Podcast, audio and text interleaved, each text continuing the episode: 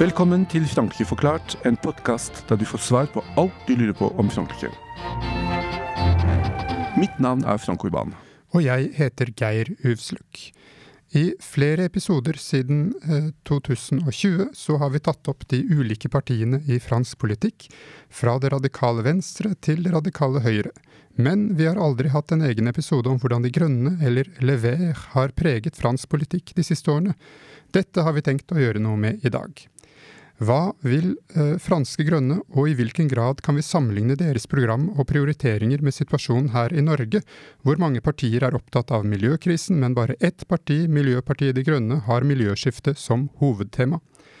Hva kan Norske Grønne si om franske og europeiske søsterpartier?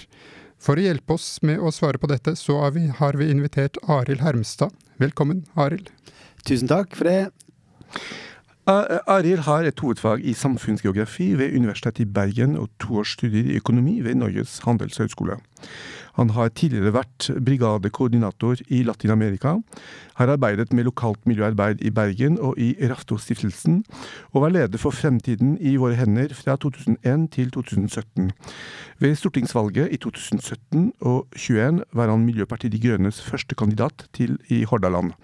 Mellom 2018 og 2020 var han også MDGs nasjonaltalsperson sammen med Une Bastholm. Fra 26.11.2022 ble, ble han partileder for MDG, og det er første gang at vi får en partileder som gjest. Velkommen. Wow, det er stort å få lov å komme. ja, Vi er veldig fornøyd med at du kunne komme.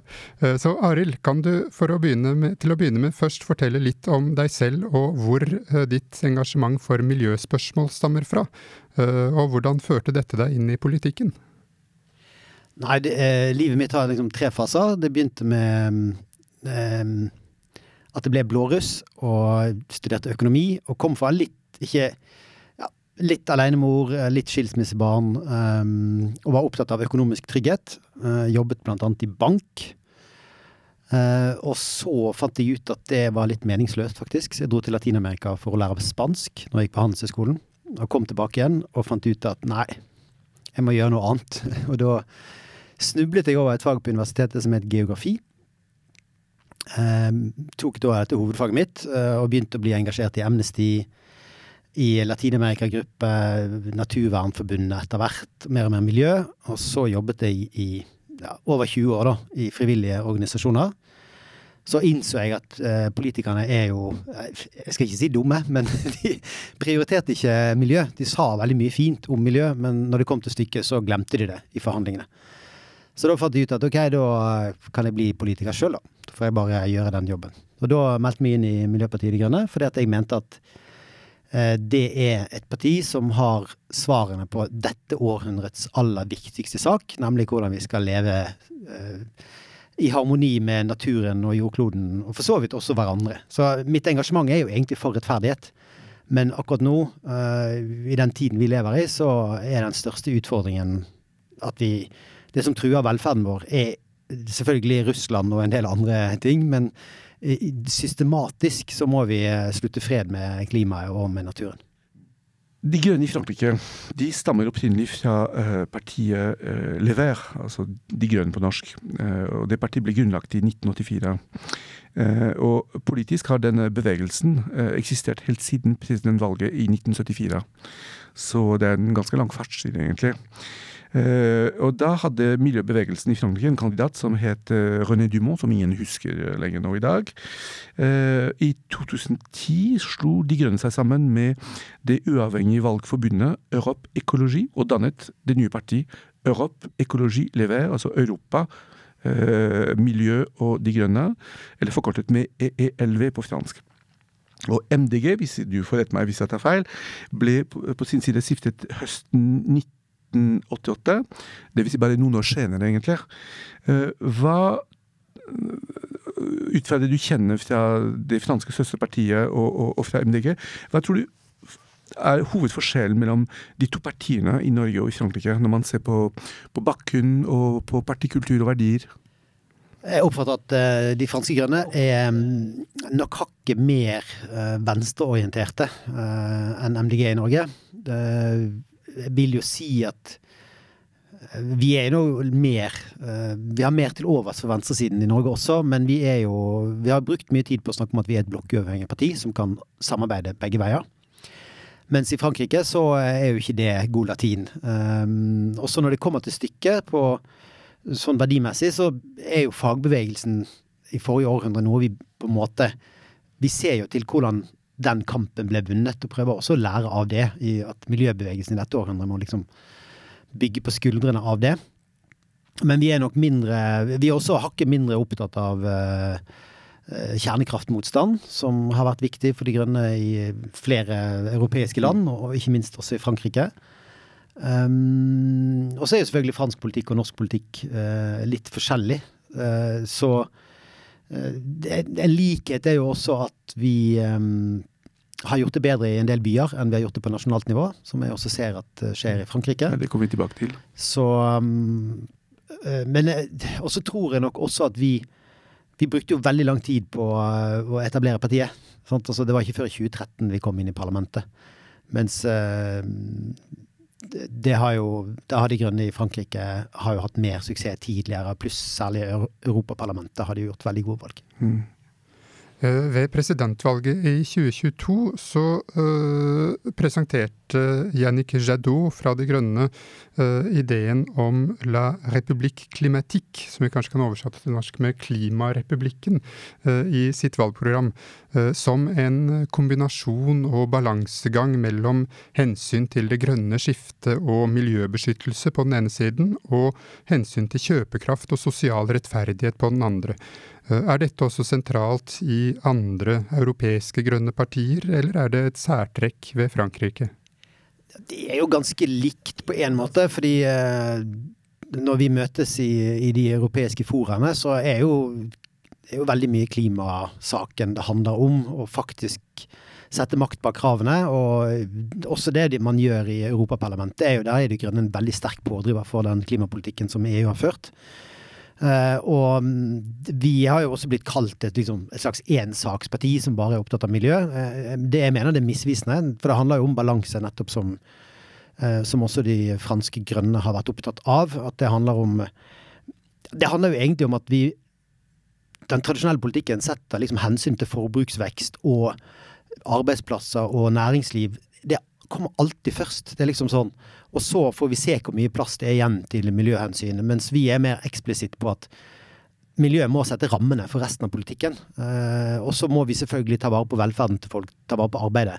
Og sørge for at man skaffer nye jobber for de som de jobbene som vi også mener vi må fase ut, fordi at de er ikke forenlige med klimahensyn. Så på mange måter er det relativt gjenkjennbart også for oss, da det, det, det, er litt interessant, for hvis vi ser på partiidentiteten eh, i, i, Frankrike så snakker man alltid om motsetningen mellom la fin du monde, altså verdens undergang, og la fin du mois, altså månedens eh, slutt.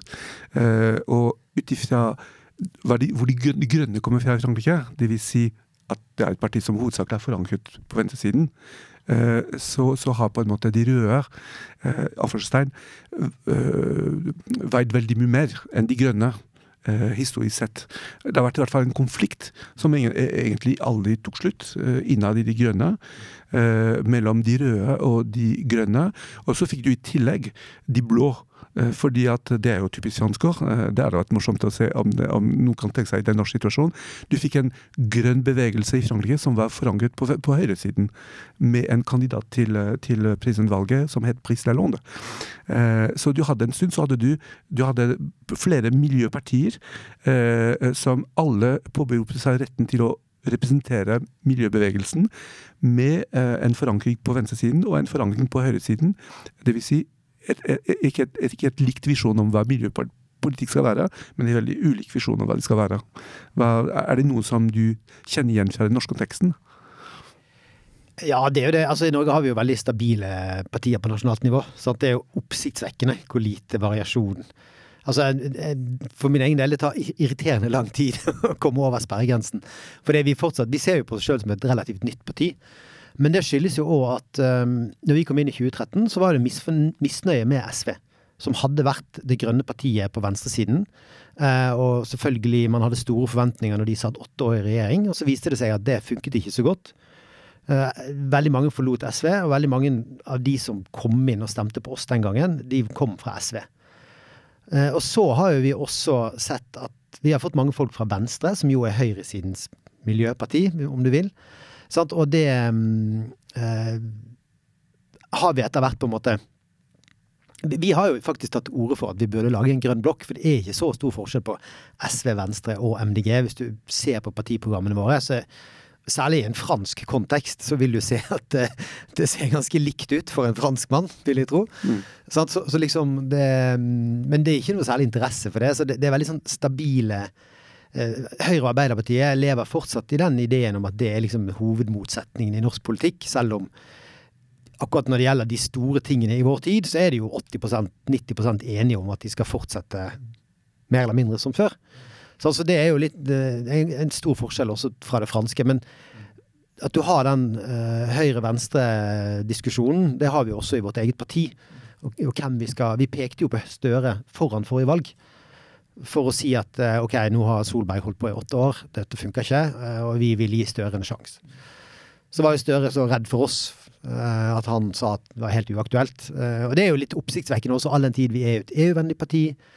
Om vi ikke er for EU-medlemskap, så har vi i hvert fall europeisk samarbeid høyt oppe. Vi er for Nato. Vi har veldig mye, som egentlig ligner mer på Arbeiderpartiet enn det Senterpartiet har, f.eks. når det kommer til internasjonalt samarbeid. Så det er jo sånn men det er noen gamle ideologiske forestillinger, og det, i Norge er det veldig Der har man ennå ikke fått se på en måte kollapsen i blokktenkningen.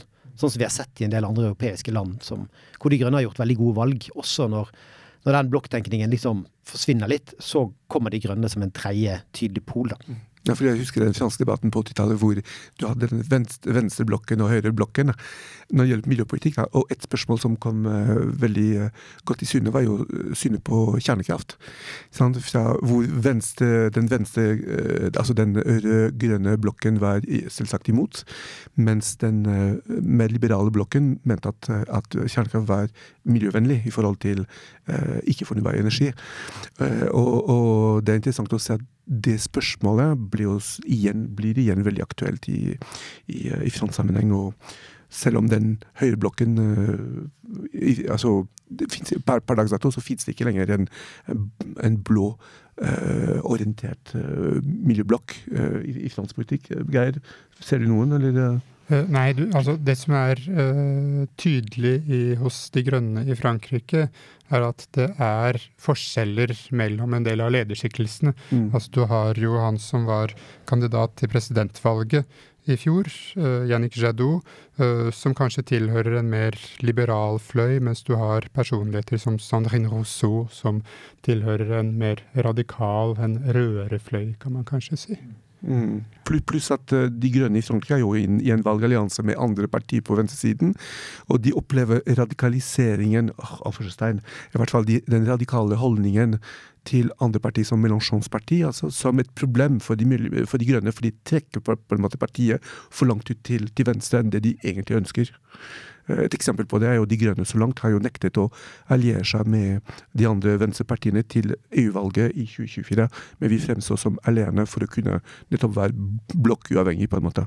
Så um, I 2012 produserte De Grønne i Frankrike en norsk-fransk kandidat til presidentvalget i 2012, som var Eva Jolie. Hun deltok i første valgomgang, fikk 2,31% av stemmene. I hvilken grad ble dette kommentert blant norske grønne på den tiden? Eh, og på et mer generelt plan, i hvilken grad vil du si at det som skjer hos de grønne i Frankrike, eh, fanges opp i Norge, har betydning for den grønne debatten i Norge? Til det første så Vi feirer jo alltid Eva Jolie som en stor helt. Og hun har jo også vært med Eh, vært invitert eh, og hatt innlegg i noen valgkamper for oss og um, stilt opp for oss. Eh, senest før jul så hadde hun en podkast, ja, noe som vi kaller Grønn torsdag, hvor hun stilte opp og um, la ut om ja, de, hennes perspektiv på de norske grønne og samarbeidet i, i, EU, altså særlig Vi har pågående en kunnskapsoppbygging om EU-partiet, og, og, da er det naturlig å få hun inn. Og hun mener jo selvfølgelig også masse om om hva vi bør gjøre her i Norge som uh, MDG, og hun er jo også litt opptatt av at vi burde vært mange flere medlemmer. Uh, og så var ikke hun helt oppdatert, for vi har jo de franske i Altså De grønne franske har ca. 10 000 medlemmer, og vi har faktisk flere. Vi har 12 000, så vi er jo dobbelt så store som Venstre. Så liksom, vi har, vi har fått en bra medlemstilstrømning de siste årene. Mm. Eh, og det er jo også sånn at I Norge så har man flere partimedlemmer, tror jeg, enn veldig mange andre land. Um, hun holdt også støttetale for uh, han som ble valgt som leder for internasjonalt utvalg på forrige landsmøte. Så hun er jo på en måte en skikkelse som vi vet om, og det skyldes jo selvfølgelig ikke bare hennes uh, grønne bakgrunn, men også at hun er, har gjort det hun har gjort tidligere, da. Med korrupsjonsjakt og den type ting. Um, også vi Altså Nå er jo uh, styrelederen i De europeiske grønne. Uh, hun er fransk, uh, og er jo en veldig inspirerende taler. Flink, dyktig Melanie Fogel. Som Og de franske grønne setter jo også mye preg på de møtene som vi har i European Greens Eh, og har Det er selvfølgelig de tyske grønne som liksom er de som har mest innflytelse, også sånn fordi at de har veldig mye innflytelse hjemme. Men um, sånn i tall og i uh, innlegg og i jobbingen mm. i nettverket, så er de franske grønne mye viktigere der i europeisk kontekst enn de kanskje er i Frankrike. da. Mm. Ja, du har allerede nevnt litt om altså, europeisk samarbeid. Uh, og Kan du si litt om hvor og hvordan dere samarbeider med uh, franske og europeiske grønne? Hvilke fora uh, opererer dere innenfor?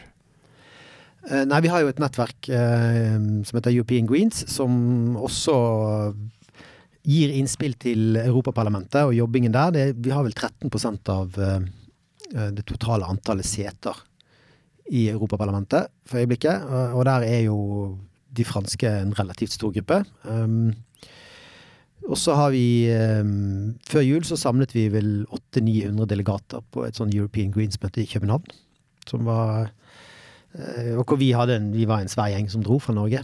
Uh, og det vi har oppdaget, er jo også at de europeiske grønne har jo liksom Norge. Det er sånn We don't care, liksom. Mm. Uh, mens nå oppdager vi at det er mer interesse for både oss som parti, men også Norge som land pga. energikrisen. Ja, og pga. Uh, selvfølgelig de inntektene vi får. Og vi hadde jo f.eks. en diskusjon om det. og liksom vi ville fra Norges side at den krigsprofitten som vi tjener, som jo er, var 1000 milliarder i fjor, at det er ikke penger vi skal bare stikke av med rett i lommen til oss sjøl. For hvem har betalt den ekstraprisen? Jo, det er jo fattige franskmenn og grekere og alle mulige folk i Europa som har måttet punge ut, og så sitter vi bare der og fyller på kontoen vår sjøl. Så vi fikk det med oss på det, men det var liksom litt sånn De var litt uh, Ja, så vi, vi, har jo begynt å bruke det nettverket mye mer uh, enn det vi har gjort tidligere. Og, og, det er også viktig for identiteten vår å ha den Og for politikkutviklingen vår. At det skjer veldig mye spennende. Og de franske grønne er ganske toneangivende i, i de foraene. Du, du eh, har, du, har, du, sett hvordan de franske på en måte preger debatten i EU-konteksten i forhold til de tyske, f.eks.? Hva, hva er forskjellen? Altså, vi, vi, snakker om de norske og de franske, men hva, de franske og de tyske, f.eks. Hva, hva er det som er grunnleggende forskjell mellom dem? Mm, nei, altså Det er jo det er ingen tvil om at de tyske grønne nå har veldig mye innflytelse, og, er veldig, de er jo ganske pragmatiske. Vi hadde vi hadde et møte med talspersonen, hun var i Oslo, og vi hadde en middag med hun. Eh, og da kjørte vi jo litt på kjernekraftmotstanden, for vi, vi her har ikke vært sånn Altså, vi, De Grønne i Norge har Vi har et standpunkt til kjernekraft som er sånn OK, liksom. Det kan gå under noen forutsetninger, mens det er jo ikke god latin. Eh, og i Tyskland og Frankrike er jo egentlig ganske like, men samtidig når de, når de tyske grønne da sitter med makten i Tyskland, Eh, og lurer på om de skal fryse eller om de skal la det kjernekraftverket gå et halvt år til, så får de en litt sånn annen tilnærming. Og det tror jeg er litt sånn Det er nok kanskje litt sånn det også er, da, i samarbeidet, at de franske er mer pragmatiske. De har også samarbeidet. De er fremdeles uh, Det som er forbausende, er vel egentlig at liksom den motsetningen som har vært i Tyskland mellom Fundis og Realos, altså den er um, det er veldig lite bråk om det Mm. etter at de gikk inn i regjering. Oppsiktsvekkende samlet parti. De står veldig sterkt. Mens jeg oppfatter jo at uh, franskmenn er mer ideologiske og prinsipielle i de diskusjonene, da. Som, uh, uh, men når alt kommer til alt, så står de jo også ganske samlet i Europaparlamentet. Sånn at det de virker som den linjen om at de faktisk ønsker å få endret politikken, er det aller viktigste når de, eh, når de jobber sammen på EU-nivå. Men det er ikke en av utfordringene når man skal eh, forholde seg til sine europeiske partnere, om at eh, alle ber egentlig Norge om å være litt mindre miljøbevisst om dagen pga. krigen i Ukraina. Vi trenger gass, vi trenger olje, vi trenger energi. Vi trenger at Norge produserer mer og eksporterer mer. Eh, Det, det er det vanskelig å møte den type argumentasjon? Ja, altså vi, vi snakket jo med noen, bl.a. en nederlandsk EU-parlamentariker, hvor vi måtte på en måte forklare at Nei, det er ikke noen god idé at Norge skal fortsette å lete etter gass. For de har jo fått disse historiene om at liksom, ja, vi leter bare etter gass. Det, stemmer jo ikke. Man finner jo både olje og gass, og man pumper jo opp oljen også, selv om det er liksom gassen som er det man begrunner det med. Eh, og så er det jo i tillegg dette med blå hydrogen, hvor den norske debatten er liksom ja, vi skal, vi skal suge ut CO2-en, og så skal dere få et rent produkt fra oss, osv. osv. Og dette det går dessverre litt for ofte hjem, da, den diskusjonen i EU-sammenheng. Og det ser vi også her i Norge, at liksom i Nederland så er jo, og sånn er det i Frankrike òg, at det franske oljeselskapet er liksom ikke spesielt populært. I Nederland er det jo virkelig et skjellsord, mens her i Norge så er det sånn Å nei, Equinor, vi må ikke kritisere Equinor, liksom. Det er jo et snilt oljeselskap. Eh, Så vi har et stykke vei å gå både med å fortelle europeerne at liksom Norge er ganske De tror jo ikke på at vi ikke har kuttet utslippene våre. Vi har kuttet utslippene med 3,9% siden 1990. Og det er sånn, hvis jeg sier det til europeiske kollegaer eller grønne kollegaer i Europa, så bare sånn Hæ? De tror jo at vi er kjempeflinke. Så stemmer ikke det. Altså, Frankrike kutta CO2-utslippene med 0,3% i fjor, så det, det, det er ikke så imponerende heller. Ikke så veldig. Eh, Hvis vi nå ser litt eh, mer konkret på Frankrike først, eh, så ser vi at erfaringen der med De grønne i Frankrike viser at partiet er fullt i stand til å ta makten i mellomstore byer eller i store byer. Eh, De gjorde det så sent som i kommunevalget i 2020, da De grønne opplevde en grønn bølge og vant eller gikk fram stort i Strasbourg, Lyon, Bordeaux og Marseille. Og de har også uh, slått gjennom i valget til Europaparlamentet. Uh, de kom på tredjeplass i Frankrike i 2019 med 13,47% av stemmene. Uh, men samtidig så mislykkes partiet gang på gang med å få tyngde nasjonalt, altså i Frankrike. Og ved årets presidentvalg så fikk Yannick Jadot bare 4,63% av stemmene. Og hva tror du dette spriket mellom det lokale og det nasjonale skyldes, eh, og, det internasjonale da også? Eh, er det noe som du også frykter eller ser på med MDG i Norge over tid? Um, Du var litt litt innom det du snakket om sperregrensen, Ja. ikke sant? Eller? Ja, ja, altså det er klart at vi fikk eh, Vi var vel Norges Ja, var vi det eh, femte største partiet i 2019 i lokalvalget. Fikk 7 eh, Og allikevel så klarer ikke vi å omgjøre de stemmene til komme oss over sperregrensen i 2021. Og det er klart at det er jo noe som vi, vi lurer på hvorfor eh, er det sånn. Um, og altså, forklaringen i en norsk kontekst er i hvert fall at folk eh, I lokalvalg så tar folk større sjanser. De stemmer på en måte på partier som ja, I Bergen stemte jo 17% på bompengepartiet. Sant? Et parti som ikke fins lenger. Uh, to år etterpå, tre år etterpå. Men, eh, og sånn er det jo også i lokalvalgene i Frankrike. At man, man, man har lokale lister. Man, har, man tar mer sjanser da. Og så opplever vi på nasjonalt nivå at vi har jo fått veldig mye motstand. Noe som man har opplevd i alle grønne partier, at man har fått en ekstra også kanskje fordi at man ikke har vært helt tydelig på hvilken side man er på i politikken, at man har hatt en del radikale standpunkter rundt ruspolitikk eller andre ting. Som, og det har blitt brukt veldig hardt, fordi at man utfordrer jo noen krefter. Og hvis vi da ser på fagbevegelsen i forrige århundre, de utfordret noen krefter, de også. Eh, og det er ikke så tydelig nå, men det er jo også helt tydelig nå at vi har et prosjekt som handler om endring. Og da møtes vi med ganske sterk motstand på nasjonalt nivå. Også, ja. Så, det tror jeg at vi liksom har undervurdert, og vi jobber jo mye for å um, høste lærdommer av det. Erfaringen fra Tyskland er at man har klart å gjøre det. Erfaringen fra Finland er det samme, hvor man sitter i regjering. Belgia sitter man i regjering. sånn at eh, Vi har jo noen suksesshistorier også. Akkurat nå, Miljøpartiet i Sverige opplever jo at de stort sett har gjort det bedre i lokalvalget enn i eh, nasjonale valg, men sist gang så var det omvendt. Altså de gjorde et bedre nasjonalt valg enn lokalvalg. Så eh, jeg tror bare det, det tar bare tid. Eh, og så er den franske konteksten Det er klart presidentvalget er en spesiell ting. Eh, men selv De kom jo inn igjen i parlamentsvalget sist, men det gjorde de jo pga. at de hadde en fellesliste med venstresiden. sant? Og det er klart at det, Så det viser jo at det er eh, det er nok vanskeligere å få velgernes tillit i et nasjonalt valg enn det er i lokalvalgene. Uh, og så Vi har en god plan for å klare det. Mm. altså, jeg er usikker på hvordan franskmennene skal klare det samme. For de er jo de er altså svære i EU-parlamentet og styrer masse byer. Og selvfølgelig i Paris så har de også vært veldig grønne med Hidalgo. Altså, det har jo vært en, en viktig suksessfaktor der også. Eh, ja, og en annen ting er jo at du har europavalget, eller valget til EU-parlamentet i den franske konteksten, som, er, som, er, som ikke er flertallsvalg, men det er forholdstalsvalg. Og det, det, gjør det alltid lettere for slike partier som De Grønne å få et bedre resultat, og de gjør det godt historisk i uh, EU-valget. Uh, men det er interessant i den franske konteksten så er det veldig interessant å se den todelingen mellom nasjonal politikk, som domineres mer og mer av enten Eh, det radikale høyre eller det radikale venstre eller sentrumsblokken. Og på en måte eh, altså politikken på lavere nivåer, som på kommuneplan f.eks., hvor De Grønne gjør det godt, vant storbyer og mellomstorbyer, og, og klarer å få gjennom sin politikk på en, på en, mer effektiv måte enn de gjør det på, på nasjonalt nivå. Da, da, har ikke Og den alliansen som du nevner, den Nyppes-alliansen med de andre partiene, har jo sikret at De Grønne kommer inn i parlamentet. Det er veldig bra. Men men som vi kanskje har nevnt før, du har den utfordringen med å trekkes mer enn det man ønsker, enten til, eh, til venstre eller, eller, høyre. Her er det mer til venstre enn det som man skulle, skulle ønske.